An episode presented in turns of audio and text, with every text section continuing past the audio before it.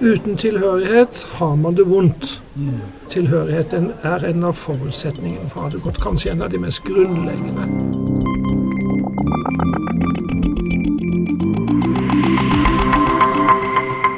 For et barn eller en ungdom er det viktig å være en av de andre. Men hvordan finner en seg sjøl når en strever så hardt med å passe inn? I denne podkast-episoden skal vi snakke om tilhørighet og utvikling av identitet. Om å finne en kategori å føle seg hjemme i. Med meg for å snakke om dette har jeg sexologiprofessor Espen Ester Pirelli Benestad, som nylig har skrevet en artikkel med tittelen 'Å høre til eller ikke høre til'. Kan det være spørsmålet? Og det kan ved helse og idrett Anders Johan Andersen, som også er utdanna psykiatrisk sykepleier. Vi skal snakke om identitetsutvikling. Når kan det si at det, det starter? Det starter jo med en gang du blir født, på en måte, så danner du jo deg selv. Og det er jo en kontinuerlig prosess livet ut i stor grad å finne, finne ut av hvem du er, og på å si, holde fast eller utvikle deg videre. Men det en av de store Utviklingspsykologene sier jo at det er spesielt ungdomstida der dette settes på spill. Da. Men jeg syns jeg kan kjenne meg igjen i det i en alder av 50 år. altså. At av og til så blir jeg litt Jeg er nå på rett spor. Og så tenker jeg denne, denne, utviklingen, som jo blir nødvendigvis til, i beste fall til på en god måte mens vi går, den, den skjer på, på, på to arenaer. Og det, det, er umulig å, å, å, å, ta de arenaene egentlig fra hverandre, for de er helt innbyrdes avhengig av hverandre. Og, og, det er den indre arenaen hvor du kjenner hva, hva, hva du tiltrekkes av, hva du opp, synes er spennende, hva du synes er viktig, hva som liksom du kan sitte med i timevis. Det er på den indre arenaen. Og på den ytre arenaen så er det noen som forteller deg på en måte ja, hva dette er. og ja, du er nok en skikkelig filosof, du. Sant? sier de. Og så har man fått et ord som en da kan ta videre i sin indre arena, og så går denne, dette samspillet. Mens hvis vi bare knytter oss til det sånn som jeg oppfatter identitet, så går det bare på talent. Ja, det kan være du har talent for å filosofere. Men hvordan skal du vite det hvis ingen kan fortelle deg at du filosoferer? Det er det som snagger i det. Og, og, da ser jeg jo også at, at det vi, vi, gjør med så mange som har talent, det er at vi gjør de talentene feil. Fordi de ikke passer, kanskje. Det passer ikke å være full av energi i vår tid, da idealet er å sitte stille og lytte i timevis på en skolepult. Så da snakker du om, om de som har eh, en diagnose, kanskje? Ja, ADHD-talent f.eks som jeg ville kalle det. Men, men også andre ting. Men, nå, eh, springer, ja. men det er klart det kom akkurat ut eller det, det, er jo et halvt år siden, kanskje et år siden, kom det ut en bok som heter 'Farvel til Eddie Belgol'. Vet du, Nei. Denne franske unge mannen som vokste opp i landsbygden i Paris, og som ikke følte seg hjemme der. da. Ja og beskriver på en oppvekst og forhold til sin familie som aldri å finne tilhørighet. Mm. Eh, og kommer til et akademisk miljø i Paris og, finner, og er homse ja. og finner seg hjemme. Homofile var liksom ikke et begrep der i det hele tatt. Eh, Akademia, de som leste bøker, var ikke noe man snakka om. Nei. Så han fikk ikke den speilet, hvis jeg forsto det rett. Så ja. fikk han på en måte ikke Han ble ikke møtt. Han følte seg ikke hjemme der. Og skriver da et um, veldig bra bok, for han beskriver noe om hvordan den tilhørigheten har fulgt at han, han endra hele sin måte å tenke om sin tidligere historie på, og endra navn, faktisk. Ja, ja. For uh, litt ja, i tråd med Espen Esteprelli. Ja, det er jo litt for å finne deg sjøl må man på en måte gjøre noen radikale grep av og til. Noen ganger så må en det. Og så syns jeg er veldig sentralt er ord du bruker 'hjemme'. Mm. Altså Man føler seg ikke hjemme et eller annet sted. For et annet ord for tilhørighet er å føle seg hjemme. Det, og hjemme det er det stedet hvor du liksom slipper å anstrenge deg så veldig for å bare være. Hvor noen iallfall har fått mange års øvelse i å se deg. Men hvis de da ikke har noen bakgrunn for å se deg, f.eks. som en akademisk eller veldig intellektuell person, så blir du ikke sett likevel. For det syns jeg var passende på noe av det vi har snakka om tidligere, er liksom at hvis ikke du blir speila igjen, hvis ikke noen ser deg for sånn mm. du kjenner deg som, mm. så må man forestille seg eller bli på en, en annen person litt utafor deg sjøl på et vis. da. Ja. Det er jo flere som har skrevet om det at du i, i dagen så er det jo sånn at vi, hvis du har barn, så er det sånn at du filmer de nesten hele tida. Nesten. Og skaper på en måte en biografi parallelt med det levde livet. Og noen sier at hvis den biografien eller den fortellingen om hvem du er, ikke samsvarer med hvordan du opplever at du er, så er det grobunn for at folk blir forvirra og blir det får psykiske helseproblemer, ville jeg sagt. Da, men altså sånn Deprimerte, rett og slett. Ja. Rett og slett. For det er en slags eh, Og det er jo mange som er Jeg snakker jo med mange mennesker mm. som ikke har blitt positivt speilet av, av kulturen. Eh, og og så spør jeg hvordan var dette når du var barn, eller når du var ung? Kan, kan du gi et eksempel på det? Hvem det ja, kan være? Mm, jo, veldig ofte folk som er, er, kjønnet mellom ørene på en annen måte enn de er kjønnet mellom beina. De treffer jeg veldig mange av. Og, og, så spør jeg hvordan var dette da du var barn og ungdom, og så sier veldig mange at nei, du vet det var akkurat som jeg var kommet til feil klode. De hadde en slags følelse at det nok kanskje fantes en klode et eller annet mm. sted hvor, hvor, hvor, man kunne føle seg hjemme. Men de var bare ikke kommet til den kloden. Og det er også en fryktelig tung opplevelse å ha den, en sånn ikke-være-opplevelse, tror jeg.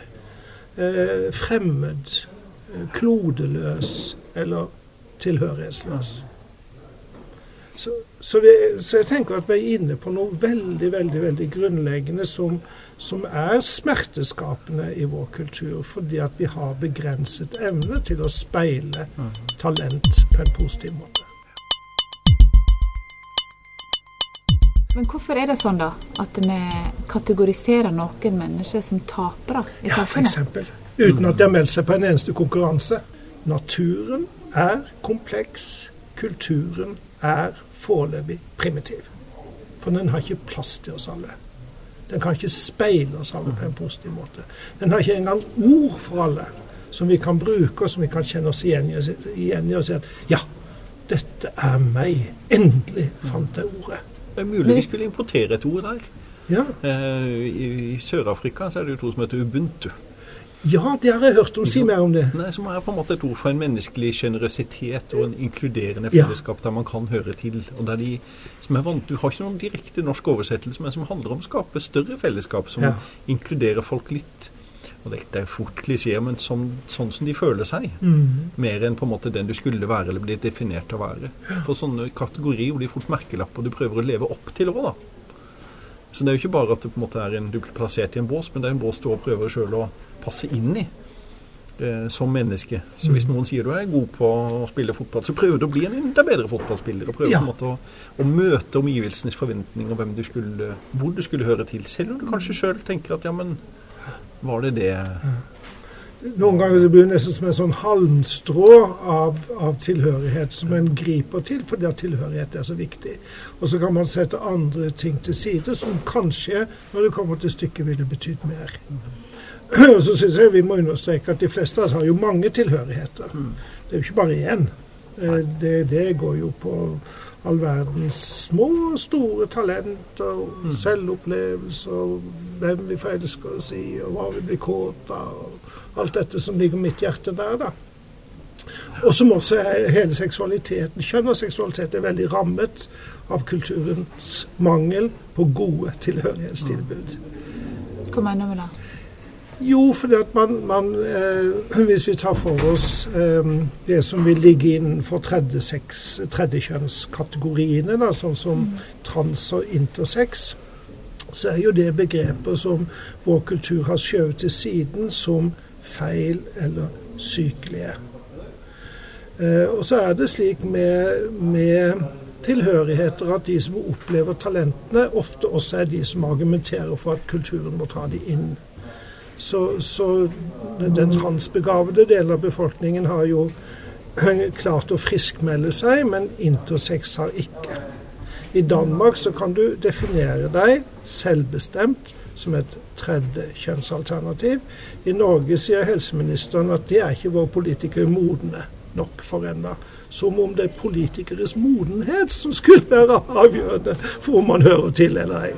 Som jo er dramatisk. Men bare for å gi noen eksempler. da. Det er fra min verden. Men jeg bare tenkte akkurat i ungdomstiden, bare for å dra deg inn der, så er akkurat seksualitet og det å finne ut hvem du er, i et sånn type kjærlighet, seksualitet, som noe av det viktigste vi holder på med. Ja, og hvis du da får for trange kategorier, trange båser du kan passe inn i, så vil språket forvitre, og man finner ikke et ord som treffer da. Vær så god.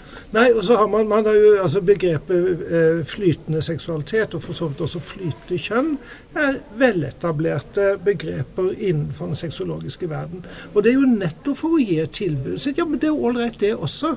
Tidligere så har man ofte kalt det for forvirring. Eller ambivalens, som ligger litt imellom. Istedenfor å si at nei, noen ganger flyter det. Så, det er jo akkurat som å spørre folk ja, hva skal du bli når du blir stor. Jeg vet ikke riktig. Er det noe du syns er gøy? Ja, det er mye jeg syns er gøy. Og så la, Det syns vi er ålreit. Vi lar det flyte. Vi lar det flyte lenge nok til at det finner en plass på en eller annen strand. ikke sant? Så ja, her! Nå er jeg kommet frem til min øy i det menneskelige hav, på en måte. Det er her det skal være. Og det kan skje tidlig, og det kan skje sent. Men vi må anerkjenne flytet. Konsekvensen av å ikke føle at en hører til. Mm. Du får fort ord som hemmer det liv. Altså at du lever av manglende vitalitet. Du på en måte blir litt sånn programmert. Du går liksom litt i, i, takt på et vis. da. Så jeg tror du prøver å innfri noen forventninger til deg sjøl og ditt eget liv som ikke er dine egne, på en måte. Og det, da du får du ikke den boblende livsgleden som, som jeg kan kjenne ved å gå over til gangene her på universitetet. Kjenner jeg er så glad jeg er for å jobbe her, tenker jeg av og til. Liksom helt sånn Det bobler i meg. Du kan si Det er jo kanskje på rett sted. ja, minste. men det tror jeg faktisk du er. det er i hvert fall mitt inntrykk. Uh, ja. Nei, men hvis du, hvis du, bare drar det videre, dette med å komme til å liksom som barn og ungdom at du opplever at du er kommet til feil klode, og at du aldri kommer til å oppdage noe annet. Altså at livet som går videre, bekrefter at du er kommet til feil klode.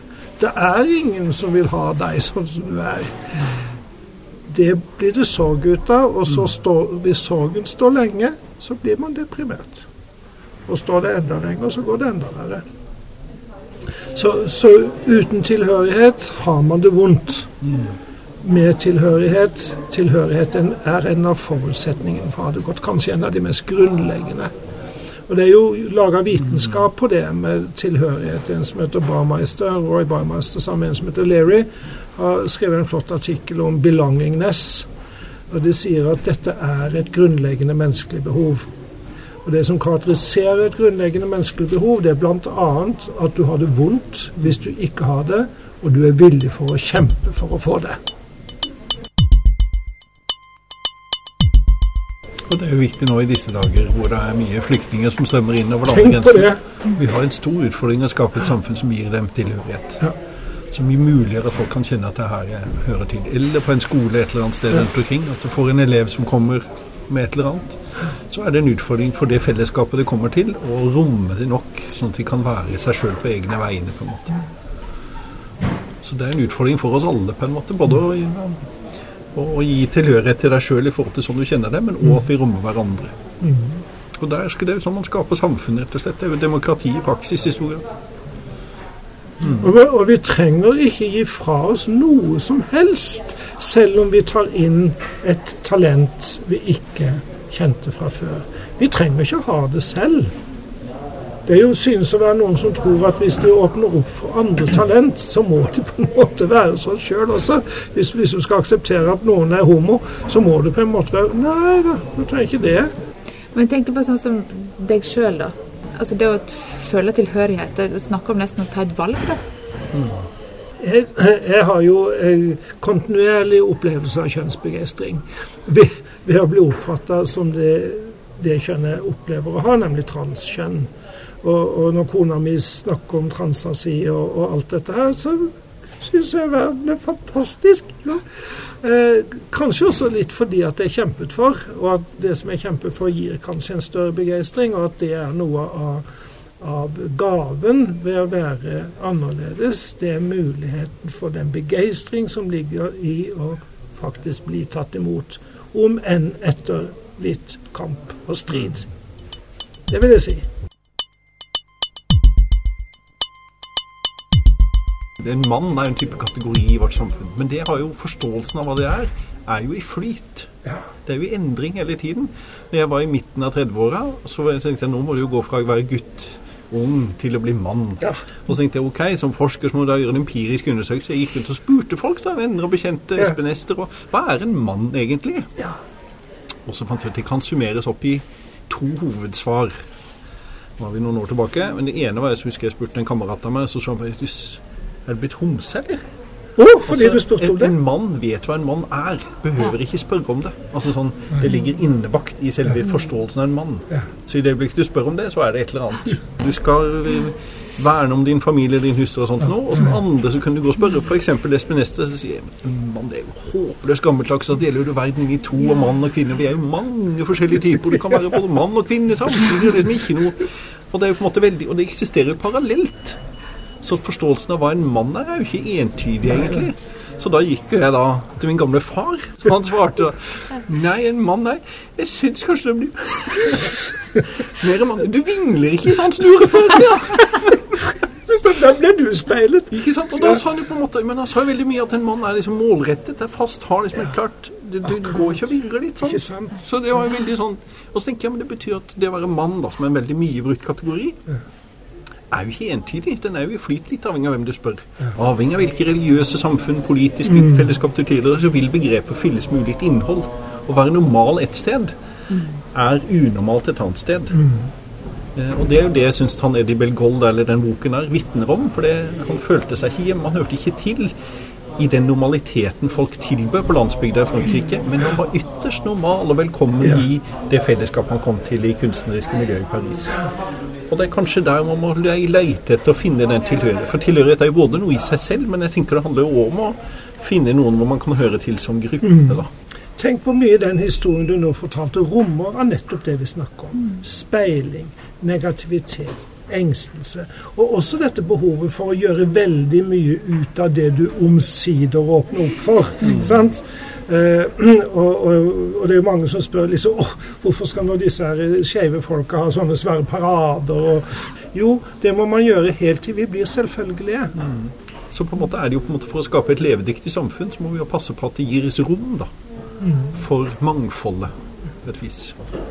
Og det er jo veldig mange, og det kjøper vi veldig fort, som f.eks. faller ut av videregående skole. Og så ser vi ja, hva var det som skjedde? Jeg følte meg ikke hjemme der. Og det kan være 10 000 grunner til det, men, men det er et sentral, en sentral forklaring. Det at man følte seg ikke hjemme der. Jeg tenker, Hvordan skal en kunne møte disse utfordringene i praksis? Jeg tror, For det første tror jeg at det er det uvanlige menneskets utfordring å presentere seg for verden. For hvis det uvanlige mennesket ikke presenterer seg, og ikke henter frem en stolthet over å være det vedkommende måtte oppleve å være, så er det nesten håpløst å forvente av resten av kulturen at den skal oppdage oss. At vi liksom skal sitte der som en slags sånn der askepott, ikke sant, i håp om at det kommer en eller annen prins som det er som har en glassko som tilfeldigvis skulle passe på vårt fot. Det blir håpløst. Så, så, så man må presentere seg, og, og jeg vet at alle kan ikke det, men jeg oppfordrer oppfordrer alle som måtte kunne, til å gjøre det. Og så er det verdens oppgave å ta imot det som blir presentert. For det er fort gjort at de kategoriene blir, på en måte blir begrensende. Mm. Og det er jeg enig i at jeg tror ikke kommer utenom at vi kategoriserer verden hele tiden, men at, at det går an, det finnes kategorier for alle og enhver. da. La oss uh, åpne opp for det. Og det blir ganske flott. Ja, Det bør finnes en kategori for alle. ja? Og finnes ikke den, så må vi kalle den frem. Du har nå hørt en podkast fra Universitetet i Agder. På uia.no podkast kan du finne flere episoder og diskutere det du har hørt. uia.no podkast.